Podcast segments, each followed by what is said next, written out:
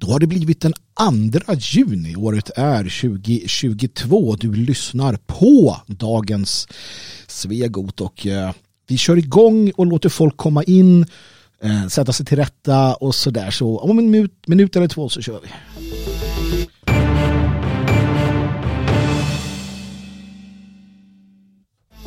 Sådär. Nu är vi igång. Lite lågmält. Redo att ta itu med dagens ämnen. Och vilka ämnen vi har. Vilka ämnen vi har idag. Häng med, häng med. Men häng inte bara med utan sprid, sprid detta som ett coronavirus runt om på nätet. Dela, dela, dela att vi är här. Att vi är igång. Att nu nu.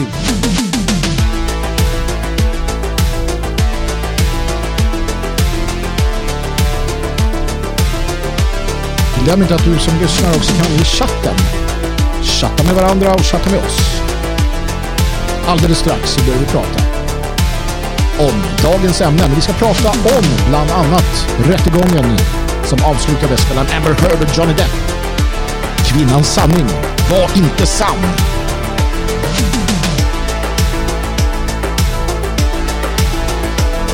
Alltså så de fräcka flyktingarna ska vi också prata om.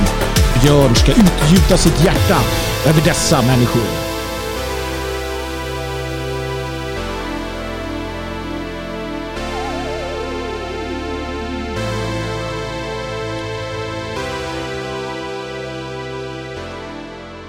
Ja, Björn, är du taggad för att uh, köra en timme eller två eller tre med dagens Svegot? Oh ja, vi har ju material för åtminstone 15 minuter så att det ska kunna gå vägen. Det tror jag att det kommer göra utan tvekan. Du, jag tänker att vi kastar oss rakt in i nyhetsfloran, nyhetsflödet och jag tänker att vi ska uh, börja prata om det här som har uh, hänt igår som kablades ut som en stor nyhet, det vill säga att rättegången mellan Amber Heard, eh, skådespelerska, och Johnny Depp, skådespelare, är avslutad. Uh, har du följt den här som så många miljoner och åter miljoner människor har gjort Björn Björkqvist suttit klistrad framför YouTube, tittat på TikTok, alla utklipp och alla mm, ja, uh, soundbites från denna fantastiska rättegång? Uh, nej, men för någon dag sedan så noterade jag att det var något som pågick. Ja, just det. så att jag är inte helt uh, försvunnen. Men du har ju följt det här slaviskt. Ja, men det har jag gjort. Ganska, ganska slaviskt ändå. För att jag kände på mig någonstans att det här kan vara ett uh, början på ett paradigmskifte igen. Vi, vi lämnade metoo-skandalernas rike där kvinnans sanning alltid var sann. Det vill säga att en kvinna som sa något, att en man hade gjort något, det var alltid sant. Mm. Och, och, det har ju blivit ett narrativ som menar jag feministerna ändå till stor del och många andra har plockat upp. Det vill säga att nej, men du kan inte ifrågasätta. Om en kvinna säger att en man har gjort ditten eller datten, ja då är det så. Va? Sen, sen att rätten dömer annorlunda spelar liksom ingen roll för då gör rätten också fel. Vi har haft domar i Sverige eh, där det var tydligt att, att kvinnorna har ljugit. Va? Mm. Men vi vet ju också att ingenting är ju ingenting blir ju på riktigt eller blir riktigt eh, genombrytande om det inte händer i offentligheten med människor som är kända. Nej, så är det ju. Och därför blir det här väldigt, väldigt viktigt. För att det som har hänt är att då eh, Johnny Depp och Amber Heard var gifta 2012 eller någonting, skilde sig 2016 tror jag. Ja, och hon skrev en, en längre artikel i Washington Post eh, som gick ut på att eh, då anklaga Johnny Depp, inte nämna hans namn, men anklaga honom för att ha slagit och, och varit elak mot, mot henne. Och det här resulterade i att Johnny Depp eh, förlorade bland annat rollen som Captain Jack Sparrow i uh, Pirates of the Caribbean. Mm. Med flera, egentligen är det bara hans, jag tror att det är Dior, den här, är det parfymer och sånt de håller på med, modehus eller vad det är. Det är de enda som har hållit kvar vid honom efter detta då. Så att han har ju lidit ganska stor skada också, naturligtvis hans goda namn, eller ja, hans namn i alla fall. Han, han, han har ju varit en strulputte och så vidare. Och Amber Heard äh, har ju då varit, tidigare varit tillsammans med bland annat Elon Musk och sådär. Eller om det var efteråt, jag minns inte. Men vi får en inblick i deras liv äh, i den här rättegången. Vi får en inblick i äh, hur, hur manipulativ och, och liksom eh, elak en kvinna faktiskt kan vara för er som trodde att de inte kunde det. Aha, aha. Jag har läst om det. Du, du har läst om, precis. Uh, och hur då uh, Amber Heard har utan tvekan de facto uh, misshandlat psykiskt och, och fysiskt Johnny Depp. Och det har varit fullt med, alltså det som gör den här rättegången extra rolig. För det är ju sorgligt ämne naturligtvis. Mm. Här är två människor som har som älskat varandra eller åtminstone sagt sig göra det och som har levt ett destruktivt förhållande som går isär. Eh, och sen så ger de sig på varandra på det sättet. Men, men det som har varit roligt i det hela det är ju att Amber Heards eh, advokatteam är som hämtat från en soptipp. Det är det sämsta advokatteam jag har sett. De, de har gjort sådana klassiska saker som att du vet när man ställer frågor ja. i, i vittnesbåset så kan man säga objection your honor. Alltså eh, en protest när, när de ska svara. Uh -huh. Så tänkte då att advokaten ställer en fråga till Johnny Depp så här, har du gjort det här? Och han börjar svara så bara, objection your honor. Och domaren bara, men det var ju du som ställde frågan. ja, men... Ja. Och såna, alltså sådana klassiska liksom, misstag skedde hela tiden. Mm. Uh, så, att, så att det var roligt i sig. Uh, Johnny Depp, en bra skådespelare, han har ju också skådespelat. Han är ju liksom ibland graviterat mot att bli Jack Sparrow i, i, i vittnesbåset. Uh, Amber Heard har försökt, försökt pressa fram fejktårar, har inte gått bra vid ett tillfälle såg det ut som att de drog kokain under vittnesmålet. och så vidare och så vidare. Uh, så det har varit fantastiskt på, på de sätten då. Men, men, vad vi också har kommit fram till i den här rättegången, och det här är väl kanske det som är det mest viktiga någonstans, det är att män kan utsättas för våld i hemmet, i nära relationer. För att mm. vid ett tillfälle finns det en inspelning där Amber Heard ska ha klippt till Johnny Depp uh, och hon säger, ja men vad ska du göra då? Vad ska du säga? Ska du säga att så här, ja, säg det då. Säg, säg att jag, Johnny Depp, en man, är utsatt för våld liksom i hemmet. Och så hör man han säga det att ja, jag är det. Och det är så här, wow. För det här är något som man inte ska prata om, man ska inte få prata om det och män ska inte kunna vara utsatta för det. Mm. Um, och det har ju då framkommit att, att så, är, så är fallet. Då. Um, så att allt i allt så har det öppnat många dörrar och jag, jag spår att i spåret av detta det faktum att då hennes sanning inte längre är sanningen också ger en enorm uh, alltså ger en uh, inte en enorm det, det, det, det, slår in en kil i hela metoo-narrativet och tittar jag på feministorganisationer och liknande så är de helt uppe i limningen. Mm. För att det de säger nu är att ja, nu kommer män kunna slå kvinnor som de alltid har gjort och ingen kommer tro på en kvinna längre. Uh, kanske man ska vara på Amber Heard i sådana fall, jag vet inte. Så att det är min liksom, initiala tagning om detta. Och uh, vad tänker du uh, kring det Björn? ja, nej, det låter ju onekligen som att man har missat uh, någonting underhållande för, för en gångs skull från, från Hollywoodvärlden. ja, nej men jag, jag, jag tycker det, det lilla jag har hunnit läsa på om det så tycks det ju ändå som att det är någon form av förändring på gång. Att uh, nu döms ju båda som jag fattar det också. Det, det är ju lite så här uh, hon ska betala 10 miljoner till honom och han ska betala 2 miljoner till henne. Ja. Och det, det, är lite rörigt där fram och tillbaka. Jag kan, jag kan förklara det för att det, som du säger det verkar rörigt men, men det verkar, så här är det, hon döms att betala 15 miljoner men i, i den här staten de befinner sig så äh, uppgår den delen av skadeståndet får aldrig överstiga 300 000 dollar. Så att, ja, därför får han 10 miljoner 395 000 dollar. Men egentligen 15, 15 miljoner istället för 10 punkt. Ja, så, så att, så att det, det är själva det var vad han är tilldömd. Eh, och, och, det är för att hon har förtalat honom. Eh, han döms ju också att betala henne 2 miljoner för att ha förtalat henne. Men det är inte han som har gjort det. Utan hans advokat har sagt att, hon, alltså att hennes, hennes uppgifter är osanna vid något tillfälle och då döms Johnny Depp för att betala två miljoner dollar för att advokaten har sagt detta. Ja. Um, ja, amerikansk just, juridik är inte helt, helt lätt. Nej, den är ju väldigt uh, besynnerlig på många sätt. Men det är, um, ja nej men utan utan att ha följt och jag menar, är han um, oskyldigt anklagad så är det väl i högsta grad rimligt att uh, han får skadestånd för det. Kan en man uh, i en relation vara utsatt för psykisk och fysisk misshandel av sin kvinna? Ja, absolut. Det vore väl konstigt annars. Ja. Hur känns det, Björn Björkqvist, har växt upp i en värld? För att egentligen så är det först på sistone som man överhuvudtaget pratar om detta. Hur känns det för dig att ha växt upp som pojke i en värld där mannens känsloliv har varit helt förbisett? Och hur känns det att du på något sätt har genuskunskap och feminism att tacka för att frågan överhuvudtaget har lyfts i dessa tider? Varsågod Björn. ja, jag, jag, vet inte riktigt vad du säger ens. Uh, det känns uh, ingenting.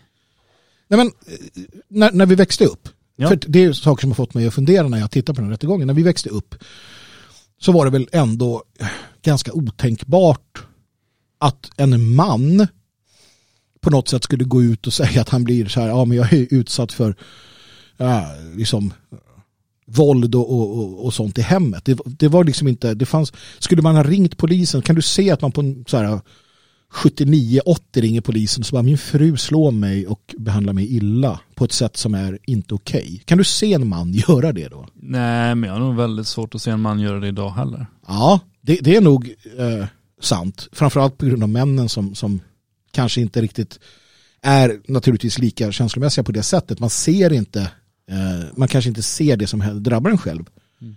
Eh, på det sättet. Men, men det var ju inte, inte ens tänkbart. Det var inte du lärde dig i skolan, det var inte att prata om. Nej. Manligt känsloliv var ju någonting som var väldigt undanstoppat. Och, och min, min fundering är nu när vi ser det här med Johnny Depp och liknande. Är det på go godo eller ondo?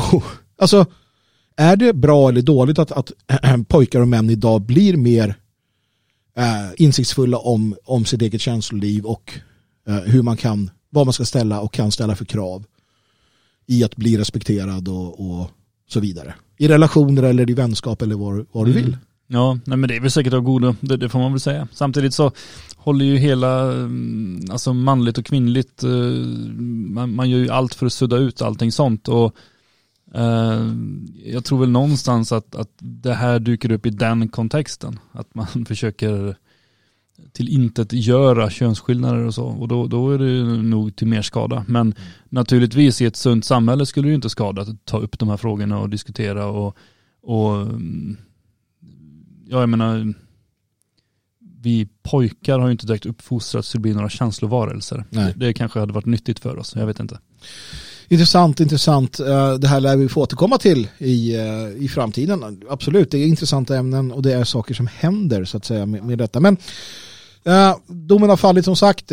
Amber Heard kan om hon vill överklaga. Återstår att se vad som händer där. Men vad tänker du generellt där nu när, när Johnny Depp då någonstans har fått rätt att hennes sanning inte bara ja, var, var sanning utan att, att en jury nu bestående av hennes jämlikar, jury of your peers som man säger i USA, äh, har sagt att nej, du ljuger. Alltså, det, det är inte sant. Äh, tror du att hela det här metoo-narrativet och, och hela den här idén om att äh, Alltså tror du att det finns en, som feministerna säger, att nu, nu, kommer, det, ja, nu kommer det öka hat och hot mot kvinnor och, och liknande? Eller vad tänker du där? Nej, det kommer det inte göra, men däremot så kanske det blir färre kvinnor som blir trodda och kvinnor som verkligen skulle behöva bli trodda. Eh, definitivt, det tror jag. Eh, vi har ju sett det här i Sverige med ju mängder av eh, människor som har blivit, eh, eller som män som har blivit utpekade så får det vara det ena och det andra. Och sen så när det har tagits till rättegång så eh, har, har kvinnan dömts för, som en lögnerska. Eh, och eh, det där är en sån svår fråga. Det är ju alltid svårt och, och, och framförallt när det handlar mycket om känsloaspekterna. En kvinna kan känna sig misshandlad. Alltså det blir väldigt svårt att, att uh, döma i en domstol vad som har hänt och inte hänt när det handlar om känslor och upplevelser. Uh, men, men metoo-rörelsen så som den var tror jag var så enorm skada både för män och för kvinnor. Till en början mot män uh, och säkerligen fortfarande i många, kanske generationer framåt. Det här med vad är ett övergrepp? Är det ett, är det ett övergrepp när man raggar på en kvinna? Mm. Um, samtidigt så, så tror jag att det blir enormt bekymmersamt för kvinnor att bli tagna på allvar framöver om de verkligen blir utsatta för något. Ja, och, och någonstans så, jag, jag, kan förstå att man behöver, alltså problemet som jag också ser det, är att, ja, att man har på något sätt, um, vad heter det, förminska till exempel, ta, ta ett begrepp, ett ord som våldtäkt. Vad är en våldtäkt? Ja, det, det, jag tycker man har förminskat och på något sätt liksom förstört innebörden av detta när man har kategoriserat mer och mer och mer uh, typer av sexuella övergrepp inom ramen för en våldtäkt. Till sist så, så är allt en våldtäkt egentligen. Mm. Um, och det gör ju också att man inte tar saker på allvar. Ord är så fruktansvärt viktiga. Ord, folk, folk begriper inte hur viktiga ord är. Som ordet våldtäkt. Det, det, det bör vara liksom exklusivt för en typ av handling. Uh, precis som att hat är ett av de, det, det borde vara ett av de, de absolut mest kraftfulla ord, uttryck som vi har. Om man hatar någon så ska ju det betyda alltså, det, det, men idag betyder ingenting någonting och det gör ju naturligtvis att, att människor i, i allt väsentligt eh, kommer få väldigt mycket problem. Många människor kommer må väldigt, väldigt dåligt på grund av oklarheter kring detta. Mm.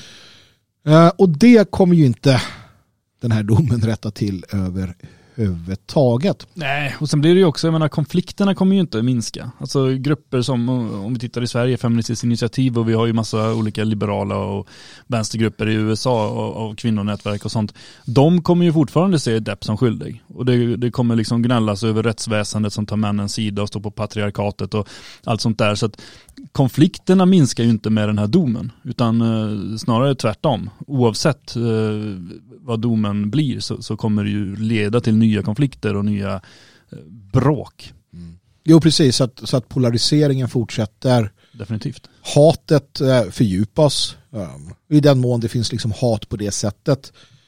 Uh, män, män och kvinnor kommer inte närmare varandra, i alla fall inte uh, i alla fall inte så. Nej, ja, nej det, det, det är sant som du säger där. Och, och just det, um, det, det. krävs något annat för att, för att vi ska se någon sån läkning över tid. Det, det tror jag absolut. Nåväl, eh, mina vänner, det återstår att se vart det här eh, slutar. Någonstans.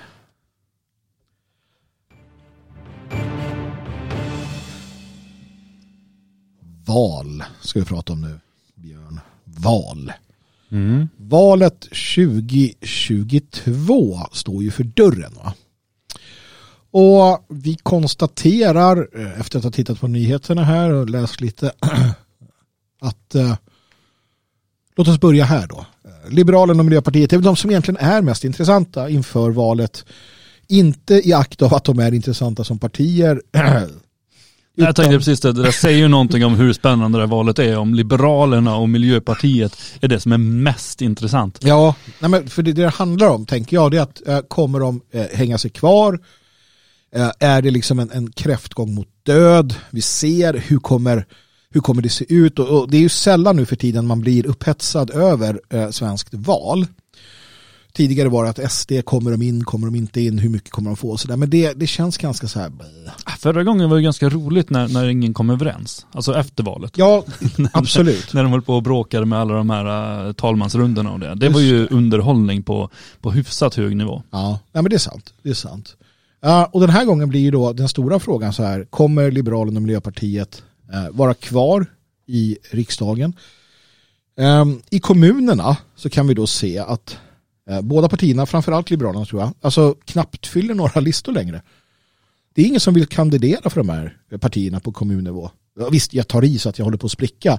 Ah. Men, men, fortfarande är det uppenbarligen så, enligt uppgift, att, att väldigt, um, väldigt många kommuner saknar helt enkelt kandidater för uh, uh, Liberalerna och Miljöpartiet. Mm. Uh, så är det Absolut. Och vad betyder det för ett parti, tänker du, att inte ha äh, möjlighet till kommunal representation?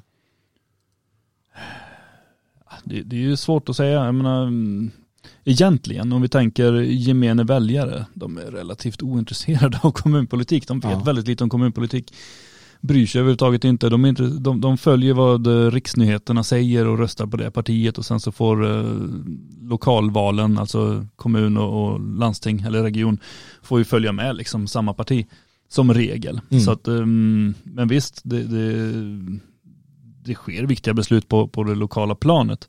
Att inte ha representanter och det här är någonting som typ Sverigedemokraterna har hånats för i, i media i Mm. ganska många val här att ja men de fyller inte ens ut i kommunerna och de har inte tillräckligt många representanter och sen har partiet känt sig tvungna att tvinga fram representanter som har hoppat av så fort man kommit in och så har det blivit så här, ja de, de, det är ingen idé att rösta på Sverigedemokraterna för deras väljare eller deras representanter kommer bara försvinna. Eh, Men nu eh, verkar ju Sverigedemokraterna vara ovanligt starka i kommunerna medan då eh, Liberalerna och Miljöpartiet har tappat enormt mycket. Och jag undrar om det inte var så för att med, media har lyft fram att Liberalerna har eh, rasat väldigt mycket och de har väl rasat mest. Men jag tror att Miljöpartiet är de som ställer upp i, i allra minst antal kommuner. Allra. Ja. Eh, nej men, för jag, jag ser här att du, då Liberalerna har alltså tusen färre namn Ja. eh, den här gången. Tusen färre namn, det är ganska många. Ja. Eh, och, och Miljöpartiet, där, det står inte exakt hur många, men, men ehm, det, det man kan läsa ut av detta är att Miljöpartiet, eller så här, Liberalerna förklarar det hela med att, att, att ja, alltså det går inte så bra för partiet. Och, ja, många, har, eh, många orkar inte, vill inte, det har varit rörigt och, och det har gjorts val och så vidare som man kanske inte har, det, det finns en djup splittring inom partiet kort sagt. Mm. Eh, det är det ena. Eh, Såklart. Miljöpartiet å sin sida eh, säger här då att, att eh, oviljan att kandidera eh, handlar om att miljöpartister utsätts för hat och hot. Det där är ju nonsens. Ja men visst måste det vara nonsens. Ja, det är totalt nonsens. Alltså det, det, men det, det, ja, det, det kan ju återigen, upplevelser. De upplever det kanske så, somliga, eh, när de möter kritik, när de möter ifrågasättanden. När människor inte tycker att det de säger verkar fullt rimligt, utan eh, till exempel påpekar att det här att världen ska gå under om tio Ja. år, det har den ju gjort i århundraden egentligen om man tittar bakåt. Det har alltid funnits folk som har ropat om det. Ehm, utan, utan det det handlar om för Miljöpartiets del är ju att de, de har ju drabbats av att de har suttit i regeringen. De har ju sålt ut hela sin politik. Eh, till, till exempel då flyktingfrågan som vi hade 2015 när, när hon stod och grät i tv och förklarade att vi måste tänka på våra kommunrepresentanter så att nu, nu stänger vi gränserna. Eh, och, och det är ju massa andra våg, frågor som man har vikt sig på för att få sitta och, och samregera med Socialdemokraterna och det har de ju tappat på såklart. Jag inser att jag, att jag är en, en ganska oanständig människa. Oh ja, Ja, sett, sett utifrån från åtminstone perspektivet hur man, ja, eller hur, hur, eller jag vet inte. Alltså för mig så är det inte så här, jag, jag, jag ser miljöpartister och, och, och människor som, som vill mitt folk och land illa. Jag ser inte dem som att vi på något sätt är en jämnbördig, jag är inte konservativ i det att jag liksom tror att, att vi är på en jämnbördig arena, att så här, det goda samtalet leder till och så vidare. Utan jag ser dem som människor som vill oss illa. Um, Mm. Även om jag kan förstå att de kanske inte ja, men, går runt som, som Darth Vader och bara har onda tankar. Men, men, men ändå måste jag ändå göra en klar skiljelinje att de här människorna vill ju oss illa. Socialister och annat. Mm. Um, och, och att för mig till exempel då skriva till en miljöpartist i en Twitter-diskussion eller säga till dem när det dyker upp valstugor att, liksom, att, att du är en jävla typ. Att konstatera till deras ansikten att ja, liksom, ja, Ehm, det, kan ju, det skulle ju de då kunna säga att det uppfattas som hat och hot. Ja. Så att när någon, någon farbror eh, i eh, Mörbylånga går förbi en miljöpartist som står där och säger din jävla miljöterrorist. Ja, då är det ett hat och hot som rapporteras. ja. Och är man så känslig som dem så kanske det, Men jag tror, ren, alltså jag tror inte att det där är supervanligt ändå. Alltså eh, jag tror folk hellre mer tänker än agerar. Eh, Jag tror att det är större risk att utsättas för hat och hot om du sitter bakom kassan på ICA till exempel och inte säljer eh, Red Bull till eh, 14-åringar eller inte räknar tillräckligt snabbt för att eh, gubben i kön lite längre bak ska, ska börja reta upp sig och gnälla och säga för att inte tala om att jobba på socialen eller vad som helst. Jag tror att det finns mängder av yrkesgrupper där man är betydligt mer utsatt än som miljöpartistisk eh, lokalpolitiker. mm, Det tror jag. Men de har ju fått nu, eh, förresten så, såg jag för några dagar sedan, de har ju, polisen har inrättat ett speciellt telefonnummer nu. Dit Mm. bara politiker kan ringa. Eh, för då slipper de stå i kö. Alla vi andra som utsätts för brott, vi blir tvungna att ringa och sen sitta i kö, kanske kopplas fram, kanske inte, vänta, vänta, polisen skickar ut någon om de har tid. Alla politiker nu som ställer upp i eh, kommunvalet, jag, jag vet inte om det bara är respekterade partier eller om det är alla, Mm. de har fått ett speciellt telefonnummer som de kan ringa nu så att de slipper uppleva det som vanliga människor behöver utsättas för. Så att de kan komma direkt fram till någon som tar hand om deras ärende om de känner sig lite utsatta. Mm. Ja, jag, jag har ju, ja, alltså det säger ju så väldigt mycket om hur, hur deras hur deras höga hästar och liksom marmortorn fortsätter att, att skilja dem från, från gemene man. Ja, jag såg eh, ett klipp hur Alternativ för Sverige var ute och delade flygblad i eh, Göteborg var det väl kanske? Jag minns inte nu.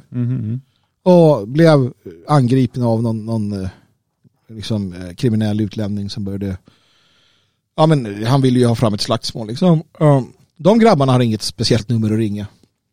Nej, det har de ju sannolikt inte. Det skulle jag inte tro.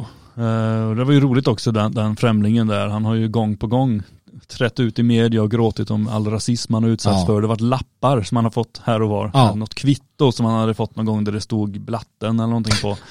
Eh, och sen hade han fått en nästan likadan lapp på sin dörr några år senare där någon hade skrivit något elakt till honom.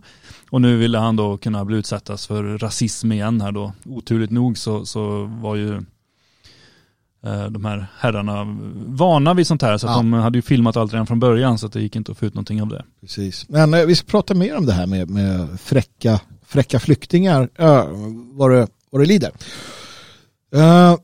Det vi ska titta på också är ju det som har kommit idag vilket är eh, SCBs stora eh, eh, sista och då stora partisympatiundersökning. Eh, Just det, ja, och det kommer ingen mer innan valet så vitt jag har förstått. Utan Nej, inte är- från SCB. Nej, inte från SCB. Det kommer ju komma ändlösa strömmar. Skulle du vilja att man gör som i andra länder, vissa andra länder, där man förbjuder, är det ett par månader innan valet så förbjuder du alla sådana här undersökningar. Bara pang, bort med dem. Nej, För visst är de lite roliga. ja de är roliga. Jag tycker det är kul.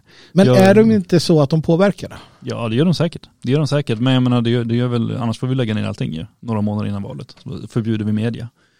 Det kan vi inte göra. Eh, så, Eh, kan vi- det var ingen dum idé. Nej, när du säger det på det sättet. Som jag plötsligt knackte här. Eh, ja, nej men eh, SCBs rapport här, jag, jag, den är ju gjord eh, fram till nyligen. Jag vet inte när de påbörjade den här undersökningen. Men den, det är en väldigt, eh, ja, jag tycker den är svår, den, den är svårtolkad. Jag tycker den säger egentligen ingenting om, om valet som stundar. Socialdemokraterna går framåt massor, de har 33,3 procent i den här undersökningen. Moderaterna 21,3 tappar lite grann. Sverigedemokraterna tappar också lite grann, hamnar på 17. Eh, vänstern tappar lite, alla tappar Mm. i princip, eh, utom sossarna då. Eh, Liberalerna går upp 0,9 men är fortfarande en bra bit ifrån eh, riksdagsspärren. Ja. Eh, och övriga går upp då eh, 0,9 vilket eh, gör att de hamnar på 2,0. Eh, jag har säkert missat några andra där men Mm. Miljöpartiet och Liberalerna är ju de som ligger utanför och det är ju, det är ju som vi var inne på innan där, det är ju egentligen mest spännande vilka som försvinner snarare än Precis, och, och det är också enligt då SCB då sta- så kallat statistiskt säker, säkerställt vilket, vilket är den högre misstankegraden eller hur man uttrycker sig. mm. Ja, så att det ser onekligen ut som att, att eh, MP och L äh, åker ut. Ja, och frågan är väl hur mycket som ska behöva hända uh, under de månader som är kvar. Alltså väldigt mycket för att de ska kunna klamra sig fast. Å andra sidan, Det är svårt att säga. Liberalerna har en ny partiledare. De liberala väljare har ju visat sig vara rädda för, för eh, korta svarta kvinnor. ja, Så att eh, kanske kan de ta sig fram. Kanske kan Miljöpartiet ta sig fram nu med hjälp av SVT. De lyfter mycket miljöfrågor fram till valet kanske. mm. Och ehm, om de kan distansiera sig från eh, regeringsperioden och börja visa mer på vad de själva tycker så kanske de också kan klara sig kvar. Så det är ju inte säkert just nu Nej. att något av de här partierna försvinner men vi kan ju alltid hoppas. Jag tänker att äh, Miljöpartiet har en utmaning i äh, Nooshi, äh, Dad- Dadgostar, Vänsterpartiet, som hon har ju verkligen, menar jag ändå, äh, gjort det som vi pratade om långt tidigare när hon tillträdde, att det här kan vara, det här kan vara början på en ny liksom, storhetstid för Vänsterpartiet i det att hon inte äh, hoppar i galen eh, könsfeministisk eh, diskurstunna eller för den delen eh, miljöextremistiskt eh, liksom babbel utan att hon håller sig till, till de klassiska vänsterfrågorna eh, inte identitetspolitik. Så jag tycker att hon har gjort det med den äran uh, utifrån ett, ett vänsterpartistiskt perspektiv. Hon har gått så långt man kanske kan inom det partiet. Mm. Och där tänker jag att en mer moderat, eh, alltså inte, inte partiideologisk moderat miljöpartist, men en moderat miljöpartist skulle kunna se Vänsterpartiet en, en bättre väg framåt uh, än liksom Märta Stenevi som ska klippa av tång på, på motståndarna. Ja, ehm, eller Centerpartiet för den delen om man, om man liksom är galen och massinvandringsförespråkare och sådär. Eh, det är ju det, när de börjar hamna under spärren så blir det ju många väljare som flyr för att de vill, vill säkra sin röst och då röstar de på det näst bästa eller näst näst bästa eller sådär istället. Eh, jag försökte leta här i den här partisympatiundersökningen och man berättar ju ingenting om eh, etnicitet eller härkomst eller så på väljarna. Nej, det enda vi hittar är ju de här statistiken på män och kvinnor, hur de skiljer sig åt. Och det är ju eh, det är det gamla vanliga, det, det är inte jättekonstigt. Det, Socialdemokraterna skulle få 38,2 procent av kvinnorna mot 28,2 av männen. Mm. Det är rätt intressant. Eh, de är också lite större bland vänsterpartister, men det skiljer inte supermycket. Sverigedemokraterna däremot är ju en enorm skillnad. Mm. Det är 11,1 procent av kvinnorna och 23,1 procent av männen.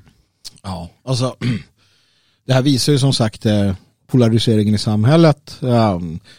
Och, och alltså en, en, på grund av en uppfattad, um, det, det, här är rent känslomässigt. Uh, kvinnorna som röstar här, det, det är ju på ren känslomässig grund. Uh, männen kanske också på något sätt. Då. Liksom att, att, att man, man avstår SD för att, att det är uh, inte nödvändigtvis det politiska innehållet utan mycket för att uh, det är ett, ett sätt att bli ostraciserad från sina sociala umgängeskretsar. Mm. Tror jag. Till och med i familjen kanske. Att, att sådana som, inte sådana som oss för att det är något helt annat, men, men sådana som SD ska man liksom inte röra vid på det sättet. Och, så. Ja, och, och sen är det är ju så att, att eh, de två blocken fokuserar lite annorlunda vilket gör att man tilltar olika typer av personligheter. Vilket, vilket i sin tur då betyder att eh, borgerliga väljare ofta är män medan eh, vänsterväljare ofta är kvinnor. Mjuka mm. frågor, hårda frågor och så mm. vidare. och så vidare. Det är klassiskt. Och det här blir också intressant om man tittar på övriga partier därför att eh, övriga partier innehåller ju allt möjligt. Det är ju Alternativ för Sverige, det är Feministiskt initiativ, mm. Piratpartiet, mm. det är ju det här nya partiet, vet du de klimatextremisterna heter de mm. inte, men något åt det hållet med Gudrun Schyman i täten. Nyans har du där. Nyans har vi där eh, och diverse olika. Eh, det vi i alla fall kan se här då på könsskillnaderna är ju att det är en och en halv procent kvinnor mot två och en halv procent män. Mm. Vilket gör att vi nog får räkna bort till exempel Feministiskt initiativ som de starkare krafterna här. Mm. Eh, utan snarare ja, möjligtvis Nyans och Alternativ för Sverige. Kanske Medborgerlig Samling har vunnit en och annan röst också. Men, men eh, ja, jag tror att AFS kan göra ett ganska intressant val. Ja, det tror jag också. Ja, faktiskt då, ja, tittar man på eh, Medborgerlig Samling, alltså de, de hörs ganska mycket. Nu, nu var det kanske inte så mycket, men, men de har ju liksom fått med um, inom någon, i, alltså någon form av kändisar i Alexander Bard och Mm. Och sådär. Um, det återstår ju att se hur mycket det spelar in. Ja, för de är inte... Ja, det hade de väl förra valet också? Ja, men precis. De har ju det liksom sådär. Men, men, men jag tror att det är ett ganska, alltså det är trött parti känner jag ändå. ja, och jag tror då att AFS har mycket bättre möjligheter. Ja, det återstår att se. Vi får, um, ja, tiden får utvisa och det, som sagt, jag tror att den här undersökningen är väldigt svår därför att den är gjord här nu under den perioden där, där eh, kriget är ganska nytt. Mm. Eh, Rysslands angreppskrig mot Ukraina. Eh, I sådana tider så blir det automatiskt att eh, regeringspartiet blir starkare. Jag tror inte det håller fram till valet utan de kommer tappa mer och mer. Sen är det klart att med olika kampanjer och sånt kan det gå lite hur som helst. Eh, så mm, Ja, nej, jag, jag, tror att den här undersökningen säger ganska lite egentligen om hur valresultatet kommer bli. Det säger Ja. säkert eh, definitivt mycket om hur det ser ut just nu, men inte om valet. Nej men precis, och, och ja, det återstår ju att se då. Ja, för till exempel om, om Miljöpartiet och Liberalerna åker ut ja, så ska ju de, alltså hur ser mandatfördelningen ut då? Ja, hur, hur kommer Centerpartiet, blir de tungan på vågen? Det är ju inte helt, helt omöjligt om vi har, ett, om vi har då KD, M och SD på ena sidan och, Socialdemokraterna då. Kommer de då stanna med, eller blir vänstern tungan på vågen? Ja, det, det, ja, vi vet ju inte helt enkelt. Nej, alltså det avgörande kan ju bli om, om, om Liberalerna blir kvar och inte Miljöpartiet eller tvärtom. Precis, precis. Jättespännande kan Ja, det bli. ja. Så att det återstår att se då. Men jag menar, ja, det skulle vara stödröster från Moderaterna för KD vågar nog inte stödrösta någonting nu. Ja. Ja, Till, till L till exempel då. Um, sen återstår att se då vad, vad Annie Lööf hinner ställa till med innan. De har ju tappat enormt mycket. det har de gjort. Det har de gjort. Um, Och det blir man lite glad av att se. Ja, det kan ju finnas en stor osäkerhet där. Du kan ju ha centerväljare som faktiskt, alltså av den mer konservativa sorten som går kanske till Moderaterna. Uh, för att Annie Lööf fortsätter ju med sina, hon har, hon har ju bestämt sig för att nu är det liksom vinna eller försvinna på massinvandring uh, och, och liksom hyperliberalism någonstans. Ja, jag tycker när, man ser, eh, det står nettoflöden, någon figur som SCB visar upp, eh, så ser man att eh, Centern har tappat mer till Socialdemokraterna än till Moderaterna. Mm. Eh, vilket eh, kan vara lite besynnerligt kanske. Men eh, ja, så kan det vara. Ja men det är alltså någonstans har ju Miljöpartiet ändå visat att, eh, eller Centerpartiet har ändå visat sig vara ett, ett lojalt stödparti och i, allt väsentligt ett socialistiskt parti. Ja, Jo, det att de accepterar Socialdemokraterna. Ja men det är ändå från riksdagsvalet 2018 så att då gick de ut med att de skulle bilda en allians med, med de borgerliga. Jo, Och att då väljare som röstade för det borgerliga blocket sen bara nej, nu går jag över till Socialdemokraterna. Det tyder ju på viss schizofreni hos väljarkåren också. ja, och det är väl kanske inte helt, eh, helt ovanligt att, att, det, att det finns en sådan. Vi kommer ju naturligtvis fortsätta bevaka det här valet eh, som är i, eh, i År. antågande. I år ja, i, i år i antågande. Um, återstår att se vad som händer. Vi har pratat lite om valvakor också vad det lider. Det kan bli trevligt. Just det. Eh, Så så är det med den saken. Men vi eh, tänker väl att vi kanske helt enkelt hoppar vidare med dagens ämnen. Mm. Och eh, nu så tänkte jag att vi skulle överlämna till eh, Ja, vi får ju först berätta att eh, Ja. det, det är dags att eh, bestämma sig. bestämma sig. Ja. Vad är det som händer Björn? Berätta. Det är snart nationaldag Ja det är det ja. är det. Och ehm, om man inte riktigt vet än vad man har tänkt göra eller om man har tänkt att man ska åka till exempel till Svenskarnas hus eller till något av det fria Sveriges andra arrangemang. Det fler, sker flera stycken runt om i landet. Jag Mm. såg en lista nyss som jag precis slarvade bort. ja. Men det var i Skåne vet jag och det var Borås, Borås, Göteborg, Västerås. Västerås kan det ha varit. Ja. Eh, och i Svenskarnas hus då. Ja. Det kommer vara lite här och var. Man kan gå in på, eh, på detfriasverige.se och där hittar man en stor bild eh, där man kan anmäla sig till eh, arrangemanget här i Svenskarnas hus. Det. Och det är Men- viktigt att man gör det så att vi har koll på hur många som tänker dyka upp. Ja, det är dumt att bara ramla in och så står vi där och, och har inte tillräckligt med, med eh, fiskedams eh, anrättning till Precis. barnen till exempel. Det vore ju tråkigt. Jag ska ju åka till fiskaren här snart och köpa, köpa lax och hänga upp. Jag hade hoppats på strömming. Ja, svårt att få tag på på insjöarna känner jag. Mhm. Ja.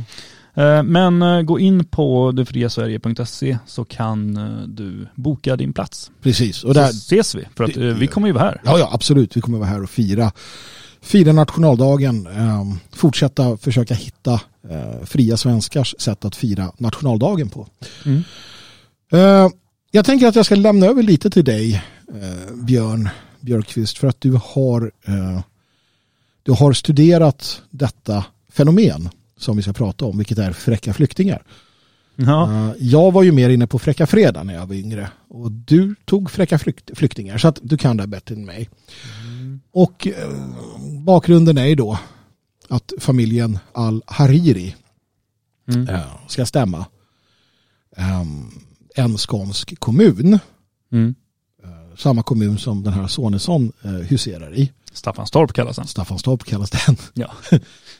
Eh, och Jag låter dig hålla på eller ska jag ta över? ja, men jag känner att du tar över på en gång. Eh, Björn Björkqvist, eh, varsågod. Ja, tackar, tackar. Eh, jo, nej men det, det är ju så här, jag såg den nyheten igår eftermiddag och, och gick och retade upp mig mer och mer och mer och vi hade ju redan sänt på morgonen. Så att, ah, jag blir så irriterad, det här är så dumt. Det är så urbota dumt och de flesta har säkert sett nyheten nu men vi får dra den i korthet ändå ifall att någon har missat det. Det är ju eh, Staffanstorp, eh, Christian Sonesson, han eh, gick ut för en tid sedan och sa att eh, vi tänker inte ta emot några flyktingar. Inte ens kvotflyktingar tänker vi ta emot. Eh, sen så blev det ju krig i Ukraina och man sa att eh, jo men vi kan ta emot en och annan ukrainsk flykting. Det är klart att vi hjälper till när det är i närområdet. Men eh, de andra vill vi inte ha. Och så kom eh, de här eh, kvotflyktingarna till Sverige och det var då en liten familj på fyra personer. En 24-årig son, en 12-årig son och eh, två föräldrar då. En mor och en far. De eh, syriska flyktingar som, som har funnits nu några år i, ja nu minns jag inte, något annat land. Suttit och väntat i någon flyktingläger. De kom dit och det blev sådana artiklar och reportage om det här. Vad händer nu med de här? Det var någon artikel i Sydsvenskan såg jag för, för eh, någon månad sedan som berättade om hur familjen satt ensam, lämnad kvar på flygplatsen och ingen kom och hämtade dem. Det visade sig ju sen att det stämde ju inte. Utan grannkommunen Vellinge tog emot dem. Eh, och eh, inte nog med det utan man körde dem ju då till ett av de absolut lyxigaste, dyraste, finaste områdena i hela Vellinge. Eh, som jag borde ha framför mig vad den heter. Är det, men är det det här, ska, vad heter det, Skanör? Eller? Precis, Ja. Skanör. Det är alltså lyx. Eh, Där bor de. Där- ska de bo. Ehm, och ja, det vart ju kritik och gnäll och alltså grunden till det här är ju en konflikt eh, mellan då Sonesson och staten. Staten har ju bestämt att alla kommuner i hela Sverige ska ta emot kvotflyktingar. Mm. Eller en, en viss andel flyktingar, det behöver inte handla om kvotflyktingar heller utan människor. Eh, Det här är ett beslut från Sonessons eget parti, mm. Moderaterna. Det är Moderaterna som har drivit igenom det här. Eh, Men han går emot och eh, ja, med all rätt får jag väl säga, säger att vi ska inte ha dem. Mm. Bara- en klargörande här. Ja, kvotflykting är ju någonting speciellt. Mm. Kvotflyktingar är ju inte de som, som själva tar sig till Sverige, utan det är de som vi åker och hämtar. Så här har man ju varit iväg, i, varit i Libyen eller någonting, och hämtat dem i ett flyktingläger. Och det är FN då, ja, tillsammans med Sverige, då, som bestämmer att så här många ska man ta och det här är de ni ska ta av någon anledning. Ja, alltså det går runt vita män och pekar. De Nej. ska vi Ja, ha. sant? De, de ska vi inte ha, de ska vi ha. Och då tar man ofta folk med vissa bekymmer. Jag läste här någonstans att, eh, jag tror det var den 24-årige sonen, det kan vara pappan också. Mm. Någon av de här har, har ryggproblem till exempel, vilket gör att han kan inte jobba. Och då Ja, kände vi att de tar vi. Man tar alltså de som är mest belastning när de väl kommer hit. Ah, de som det är mest synd om. Ja, ja, ja ursäkta, det var ju det, var ju det jag menade. Ja, så det kan Gud vara... vad taskig jag lät. Ja, så det kan vara rullstolar och diabetes och... Inavel kanske? Ja. Inavel, det, det kan vara... um, Om, det, så att om du har då dygnet runt behov av vård på, ett, på fem barn. Ja. Jajamän, Ja, jajamän. Det då kan är- till och med vara pollenallergi. Alltså det kan vara rubbet. ja.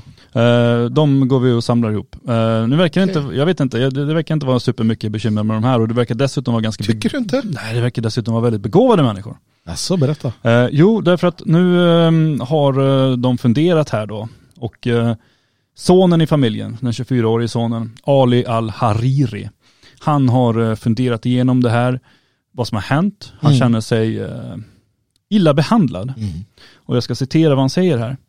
Vi fick reda på att Staffanstorp tar emot ukrainska flyktingar, men inte oss fyra. Det är ett dumt beslut. Man tar emot en sorts människor och vägrar ta emot andra. Vi är människor oavsett var vi kommer ifrån, säger Ali Al-Hariri.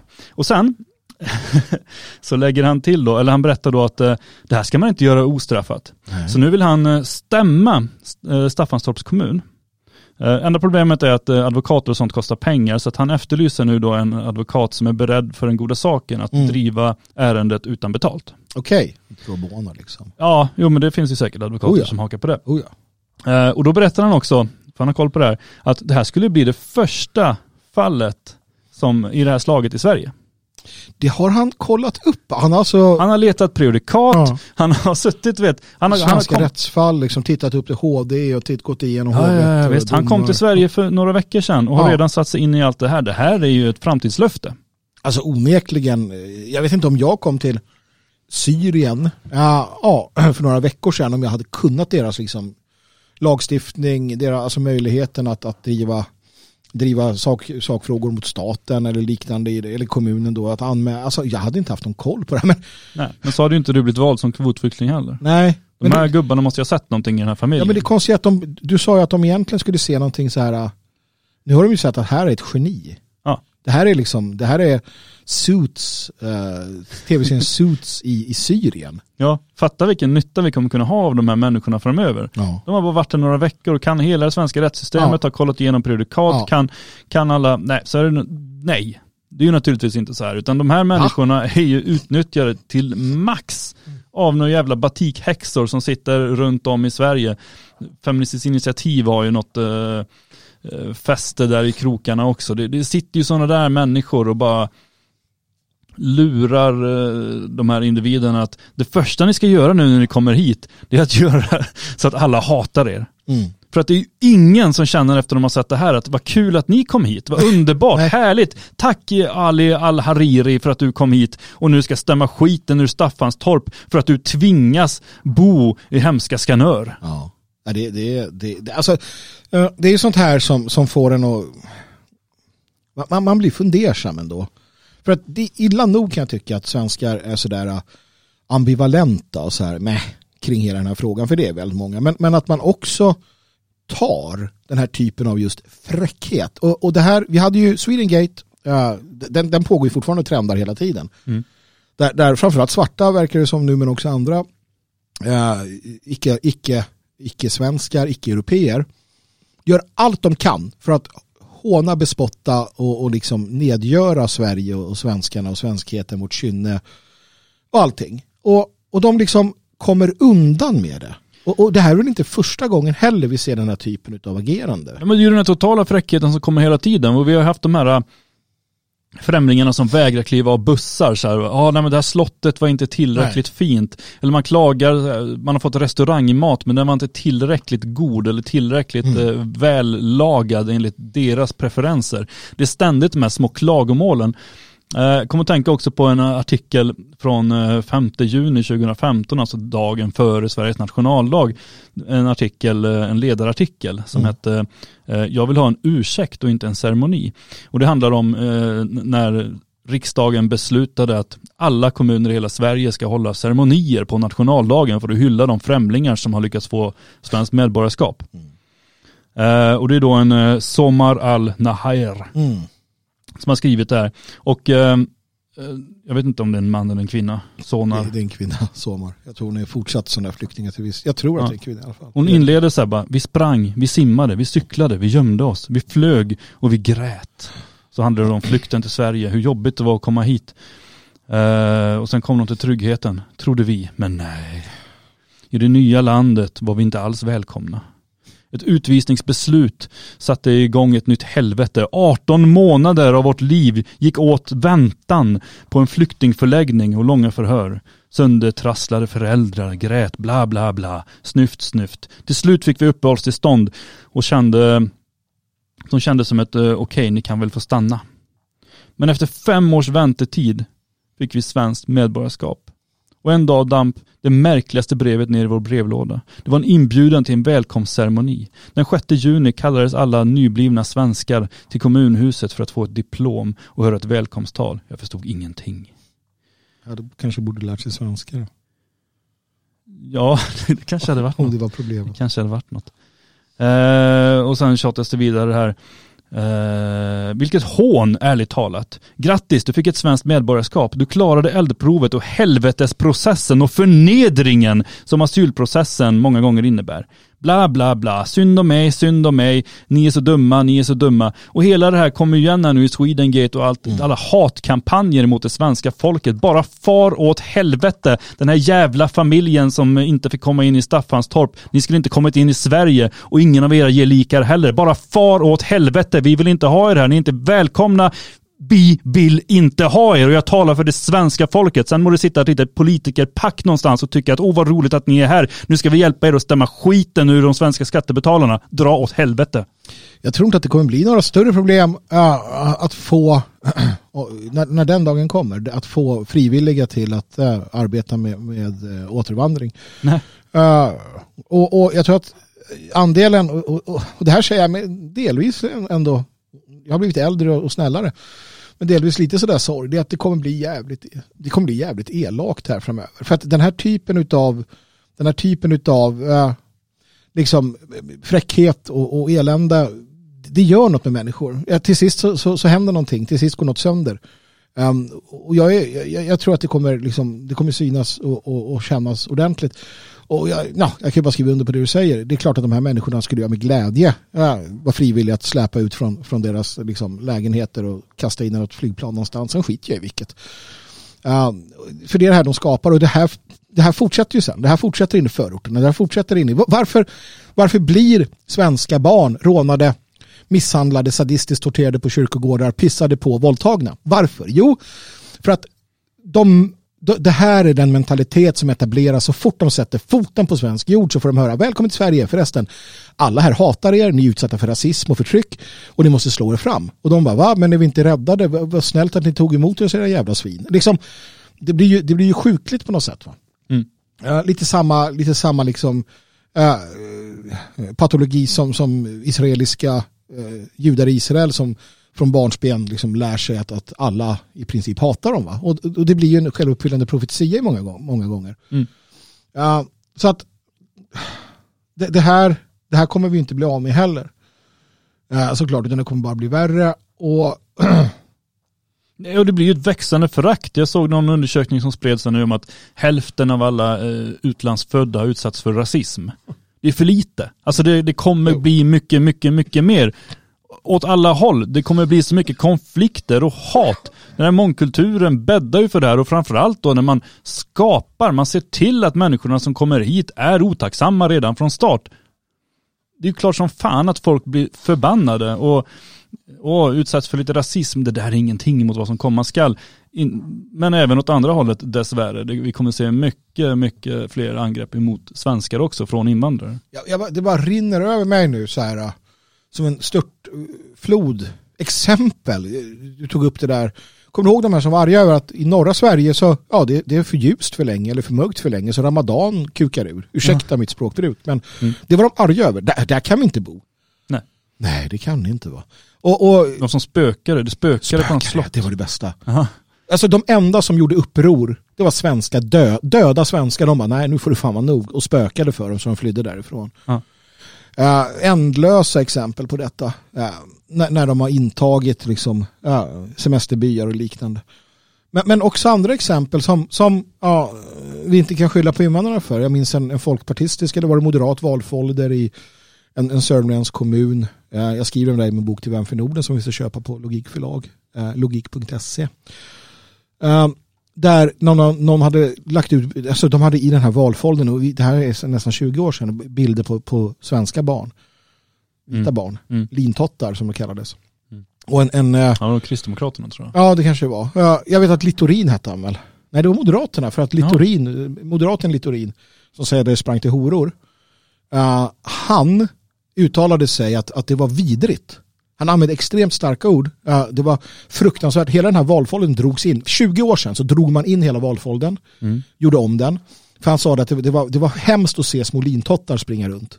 Mm. Äh, sa Sven Otto Littorin. Mm. Äh, och, och ja, det var, han sa att det är hål i huvudet att göra på det här sättet. Ja, och det var ju inte det enda i den vevan. Samtidigt nej, nej. hade vi i Karlskrona en välkomstskylt när man åkte in i, i kommunen med en uh, glad familj med en, ja, en morfar eller farfar och mm ett par föräldrar och några barn och alla var vita. Mm. Och uh, i artiklarna som man kunde läsa i medierna så berättade man om när man såg skylten så fördes tankarna till 30-talets Tyskland.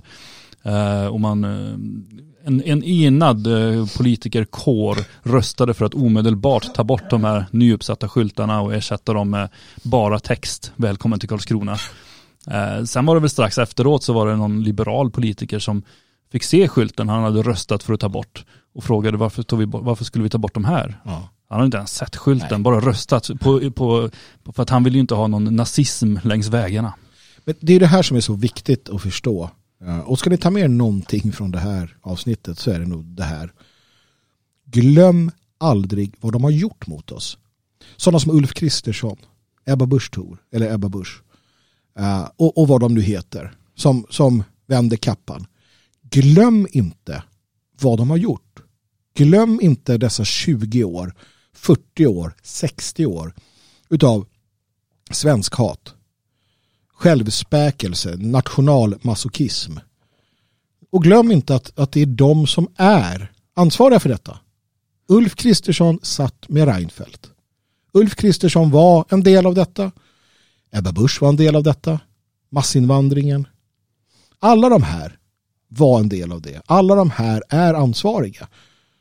Och de borde få plikta för detta. De borde inte berömmas när de ändrar sig i sista sekund. Vilket de inte ens gör. Eh, och, och, och det vill jag att man tar med sig. Och det är därför det är viktigt att titta på de här eh, exemplen. Jag ser att Leif Östling hyllas nu. Gamla Scania-chefen.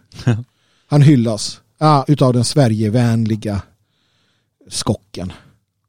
Han som gick ut och sa att Sverige, eller hans lilla Södertälje, skulle ta emot 40 miljoner invandrare, tror jag att det var. Mm. För att det kunde han ha i Scania. De, skulle kunna, de behövdes för att fylla på. Han har varit en av de mest drivande under flera år för massinvandring. Eller ta den där förbannade Skarabon. Bert Karlsson som lyfts upp i tid och otid. Mm. Som har tjänat miljoner och åter miljoner på att föra in utlänningar på svensk landsbygd till svensk landsbygd. Eller det där äcklet, eh, Jan Emanuel, som också hyllas av den här svenskvänliga jävla pöbeln som eh, eh, därtill då har tjänat åtskilliga miljoner, skott sig på att svenskar utsätts för våldtäkter, rån, mord. Det är de här människorna som nu hyllas Mm. har ju varit delaktiga i på de mest liksom tydliga sätt. Oh ja.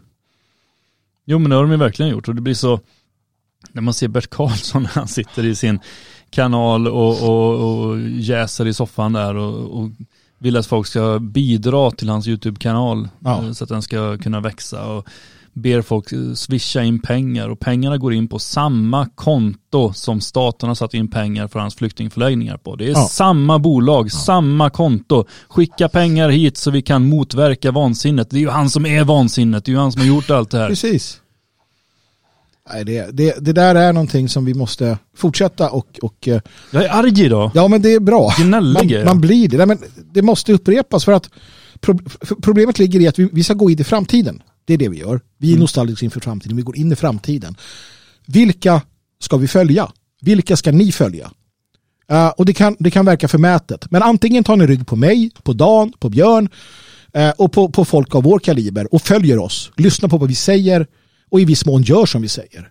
Eller så följer ni de människor som i alla år har sett till att det som händer nu händer. Som kommer få det att fortsätta hända. Det, det är vad ni har att välja mellan. Ja, eller så här, alltså följer det bra, ännu bättre, ställer er bredvid. Absolut. Ta fronten, gå längst fram. Ja. Och det är det det står i. För att vi ska in i framtiden.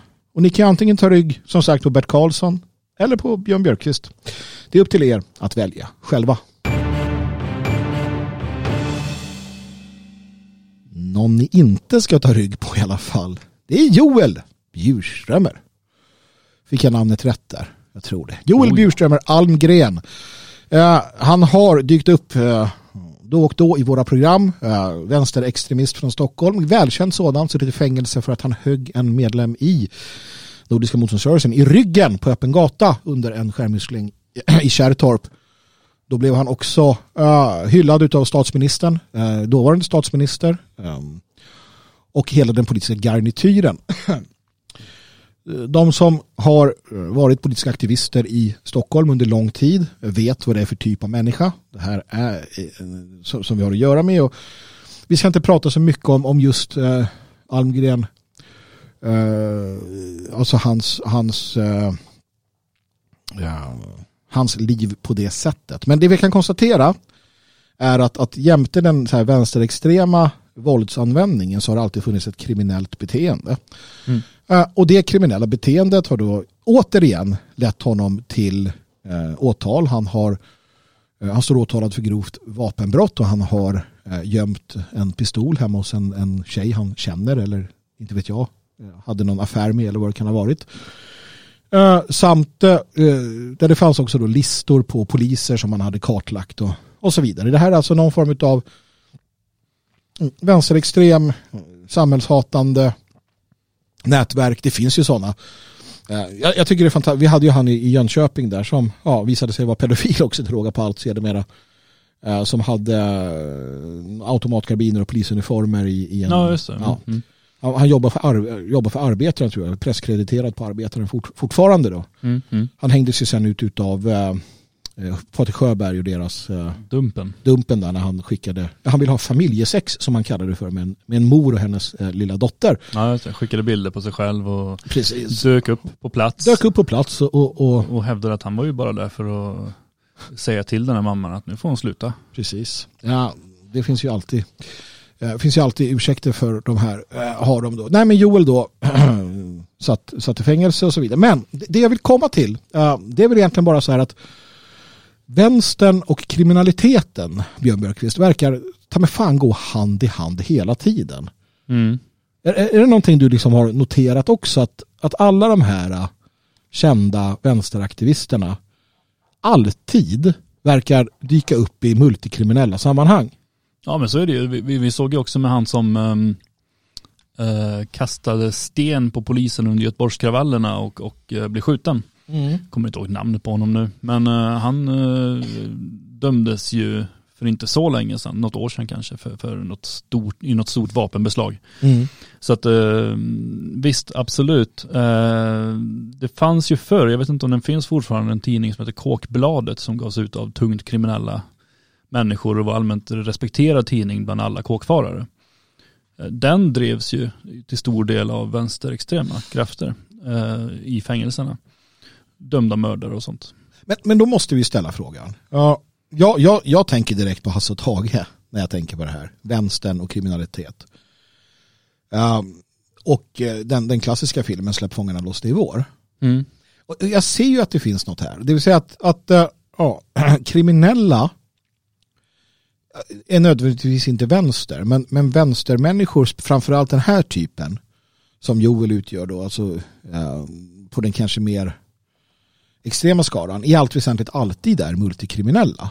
Att mm. det finns en koppling, titta i USA, titta, uh, titta de som uh, till exempel blev skjutna utav uh, um, han som blev, vad hette han nu igen då, som blev frikänd här nyligen i Wakusha, Wakisha, fuck, jag kommer inte ihåg vad det hette, ni vet alla vad jag menar. Mm. Det var ju en dömd pedofil, det var dömda liksom, våldsmän, det var dömda tjuvar, kriminella typer liksom. Mm. Varför är det så? Uh, finns det någonting i, i, Och varför har man sånt överseende mot den typen av kriminalitet i um, på Aftonbladets ledarredaktion då, eller kulturen eller alla de här. Alltså, hur kan man acceptera den kriminaliteten, Björn Björkqvist? Vad är det som gör att det är på det här sättet? Alltså jag har ju funderat rätt mycket över det här ganska många år, eller vilka det är som blir vänster och framförallt vilka det är som blir invandringsivrare och kommit fram till att ofta, relativt ofta så rör det sig om människor med ganska grova problem. Eh, egna problem på något sätt. Eh, och ser man inte dem direkt så är det ofta att det finns något bekymmer hos någon nära släkting och så. Mm. Eh, det kan vara grova handikapp och sånt där som, som gör att de får någon missriktad tro att om de hjälper alla invandrare så kommer alla människor också hjälpa en själv som har de stora bekymren eller en syster som är gravt handikappad eller sådär. Eh, jag tycker väldigt ofta man ser det och det, det är någon, någon, form av inbildning om att samhället kommer ställa upp på den som är svag och då, därför blir man vänster. Mm. Uh, och i grund och botten så är det ju ganska ofta, tämligen ofta så att de som dras in i eh, kriminalitet och framförallt så här klantig kriminalitet som Mm. det ofta rör sig om är ju lågintelligenta. Mm. Eh, Det, det ser man ju i, i alltså IQ-tester som görs på fängelser och sådär. Alltså Mm. de här typen av klanttjuvar är obegåvade människor. De har låg IQ, de klarar inte av att eh, eh, tänka längre än för dagen. Just det. Ja. Vilket då också förklarar varför de hamnar på vänstern, för de behöver någon som tar hand om dem. Just det, ja. Det där är ju, det där är ju faktiskt eh, två, två, två, bra, eh, två bra förklaringar. Jag, jag har en annan också. Ja, tittar, man, tittar man historiskt sett. Det sägs i alla fall att franska revolutionen, ja, man stormar Bastiljen som ett fängelse och så släppte man ut alla där. Ja.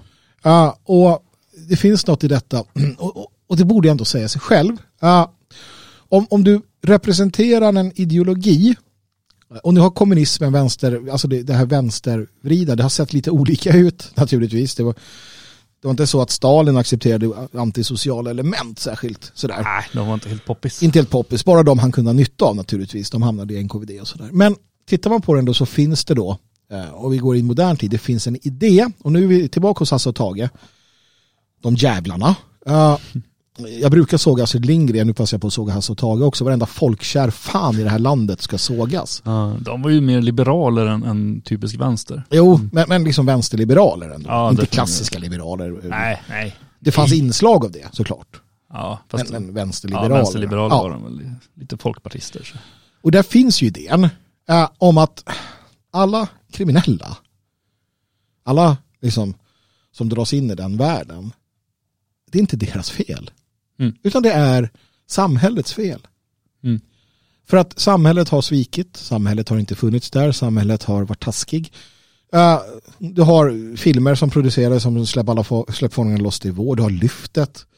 Eh, du har många sådana här som, som representerar då hur, hur samhället och framförallt då bourgeoisien eller företagen, storföretagen, varvet och sådär, de är elaka.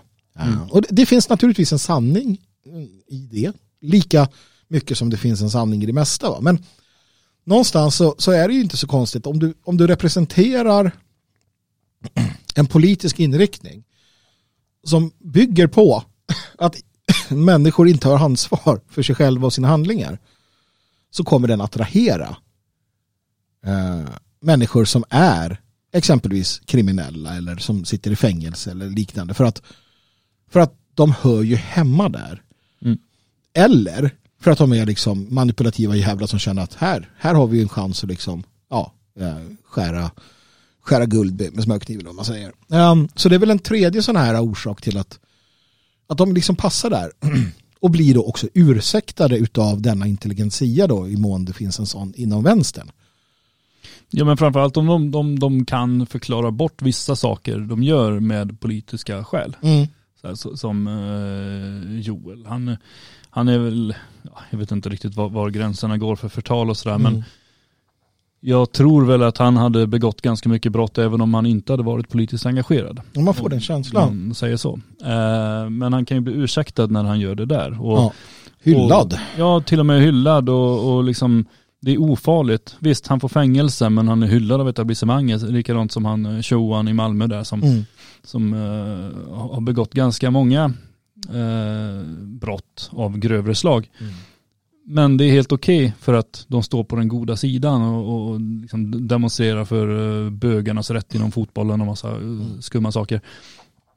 Men ofta känns det ju som att det där är bara en ursäkt för att kunna leva ett destruktivt liv. Och man ser ju ofta, det var ju här och säkert i många andra sammanhang också, så dyker det upp, det är narkotika inblandat, Mm. det, det är trasiga liv på så många sätt. Det, det har ju varit eh, tidigare skandaler inom den antifascistiska rörelsen när- de har tvingat kvinnor att sälja sex och massa Mm. sånt där. Så att det finns så mycket destruktivt, så mycket negativt som bara ursäktas och accepteras för att de står på den goda sidan, Mm. som de kallar det. Vilket definitivt inte är den goda sidan. Nej, verkligen. Ja, nej, det där är ju någonting som tyvärr inte tas fram heller, liksom, som du säger då. Eh, de destruktiva, eh, eh, djupt destruktiva delarna utav den vänsterextrema miljön och och vänstermiljön generellt sett. Jag tror att det är, det är en grogrund för liksom schizofreni och psykisk ohälsa. Det vi vet från, det vi vet från liksom, eh, framstående då, eller djupt engagerade vänsterextremister av olika slag, de mår ju uppenbarligen inte bra. Alltså, det, ser man ju, det märker man i deras konstiga liksom, projekt och utspel och vad de håller på med. Men, men de tror ju att de mår bra för att i, när, när samhället är en sinnessjukt i sig så passar ju människor som mår dåligt bra in. Men, men Björn, om vi säger så här då, ja, finns det inte kriminella bland nationella? Oh ja. Hur förklarar du det då? Eh, ja, nej men lite grann eh, på samma sätt. Jag tror att eh, i viss mån så har vi fått med oss, i alla fall under årens lopp, människor som i grund och botten är kriminella och som söker någon mening med sitt eh, kriminella handlande. Hur har eh, nationella partier och organisationer hanterat kriminella? Alltså, då pratar jag inte, jag pratar inte om, för att man måste se en skillnad. Eh, det finns en, en, vålds, en våldsfallenhet i högre grad hos nationella män än, än liksom, tvärsnittet av svenskar är rätt, är jag rätt liksom övertygad om. Men det ser jag inte som en, en liksom varningsklocka. Jag ser det inte heller som kriminellt på det sättet. Utan jag ser det som att, att det är en viss typ av män. Och jag ser det också som att man, man blir våldsam av att, att vara i vår miljö. För att det krävs för att freda sig själv och de man älskar. Mm. Sina bröder och systrar och så vidare. Så det är inte det. Men jag menar, hur, hur tycker du? För, och, och då har vi självklart, jag skulle alla dagar i veckan försvara en nationell som försvarar eh, liksom sina vänner. Mm. Kommer någon och gör, försöker göra det illa då, då, då försvarar jag det våld som används mot den ogärningsmannen. Mm. Så det är inte det jag menar. Jag menar just kriminella, det vill säga knark eller eh, annat så här sunkigt. Uh, mm. Nej, det har ju generellt varit väldigt ursäktande, vilket väl beror på att eh, det har varit en ganska liten rörelse. Man har varit tacksam för varje person som vill hjälpa till och ofta är det de som inte har någonting att förlora som är intresserad av att göra det. Mm. Eh, så det har ju såklart varit bekymmersamt och säkert en stor bromskloss för eh, någon form av nationellt uppvaknande också. Vad tycker du då? Hur ska vi, hur ska vi reagera? Hur ska vi göra då? Jag tycker vi ska vara förlåtande. Eh, men inte godkännande. Mm. Det vill säga folks bakgrund ska vi inte bry oss särskilt mycket om. Vi ska vara medvetna om den och kanske ha ögonen öppna för folk som har en taskig bakgrund. Mm. Men ändå välkomnande därför att vi är ändå en social rörelse. Så att vi kan ju inte stänga ute folk för att de har hamnat snett tidigare för att de har använt narkotika eller begått brott för att finansiera sitt missbruk eller liknande. Däremot um, människor som kommer in och är aktiva missbrukare till exempel bör inte accepteras därför att de blir bara till bekymmer för oss allihop. Mm. Jag håller väl med där, uh, måste jag säga att jag gör. Uh, vi får bära våra bördor. Uh, vänstern borde bära sina bördor. Jag skulle kunna säga att en sån multikriminell, alltså ett multikriminellt beteende äh, accepterar inte jag i min närhet äh, och äh, jag kan väl tala för att det fria Sverige inte heller skulle göra det. Vi har ju stadgar som styr detta och man får inte göra sånt som så att säga drar, eh, drar föreningen och medlemmarna i smutsen och det skulle du göra. Nej, men jag, inbillar mig väl, liksom. jag inbillar mig väl någonstans att rörelsen i stort har blivit bättre men å andra sidan så har jag ingen järnkoll på den heller. Nej. Nej. jag har nog bättre koll på Socialdemokraterna än på den nationella rörelsen. Så är det ju. Så. Är jag rädd. Eh, I alla fall i nutid. Går vi bakåt så kan jag ganska mycket. Men, ja. Men, ehm, nej, men jag tänker som, som, eh, det finns ju ett exempel som eh, man kan ta upp i och med att han inte är kvar heller, så, så som är Kim Fredriksson som accepterades väldigt länge ja. av väldigt många falanger. Ja. Eh, jag tillhörde ju lyckligtvis en falang som avvisade honom så fort han närmade sig. Ja. Medan andra tyckte att, ja men vadå, du är dömd för lite kvinnomisshandel och har en förbläss för bajs. Men det är klart att du får vara med. Mm. För att du skriver bra artiklar, vilket han gjorde, han var duktig skribent. Men, um... det, det uppväger ju inte, kan, nej. kan jag liksom så här tycka. Jag har inte heller varit någon, någon anhängare av det där alls. Nej. Så att, uh, nej jag vet inte vad jag ska säga. Nej, och det bör ju, alltså så, dörrar ska stängas för sådana människor. Det, det, slutar sällan bra heller. Det slutar som regel med, ja som det gjorde i hans fall, han blev antirasist och Eh, under tiden också medan han fortfarande var accepterad så hade ju även hans eh, zigenska bakgrund kommit fram och blivit offentlig och så här. Och hans mamma var ju, var ju rent av någon sån här zigenaraktivist. Eh, så att, eh, ja, mycket konstigheter och det fanns grupper som tyckte att eh, jättebra du skriver, du får vara med. Mm. Nej men så är det. Ehm, jag tänker att vi känner oss rätt nöjda eh, med detta. Vi eh, tackar för att ni har lyssnat. Vi tycker att ni ska gå in på svegot.se tycker att ni ska bli stödprenumeranter där. Vi tycker att ni kan hjälpa till att eh, se till så att vi kan fortsätta med detta arbete vi gör. Så gå in på svegot.se och, kika på vad vi har med då. Som stödprenumerant får du tillgång till, till det här. Efter, nästa, efter den här veckan så kommer det här då inte gå att lyssna på efterhand om du inte är prenumerant. Och det är ju skönt att kunna göra det. Det är du ju. Det är det. Och vi har en väldig bredd på det vi ger ut. Vilket i sig är fantastiskt. Jag skulle säga att det är unikt i svensk nationell opposition. Det fria Sverige har vi pratat en del om. Gå in på detfriasverige.se. Undersök föreningen. Undersök vad vi gör och varför du faktiskt har en plats där. Ja, men kom hit och käka tårta. Kom på nationaldagen så kan Absolut. du se vilka vi är. Absolut. 6 juni. Föranmäl gärna. Gå in på detfriasverige.se. Med de orden, eh, mina vänner, så tackar jag Magnus Söderman och Björn Björkqvist för oss med återhörande imorgon klockan 10.00. Hej med er!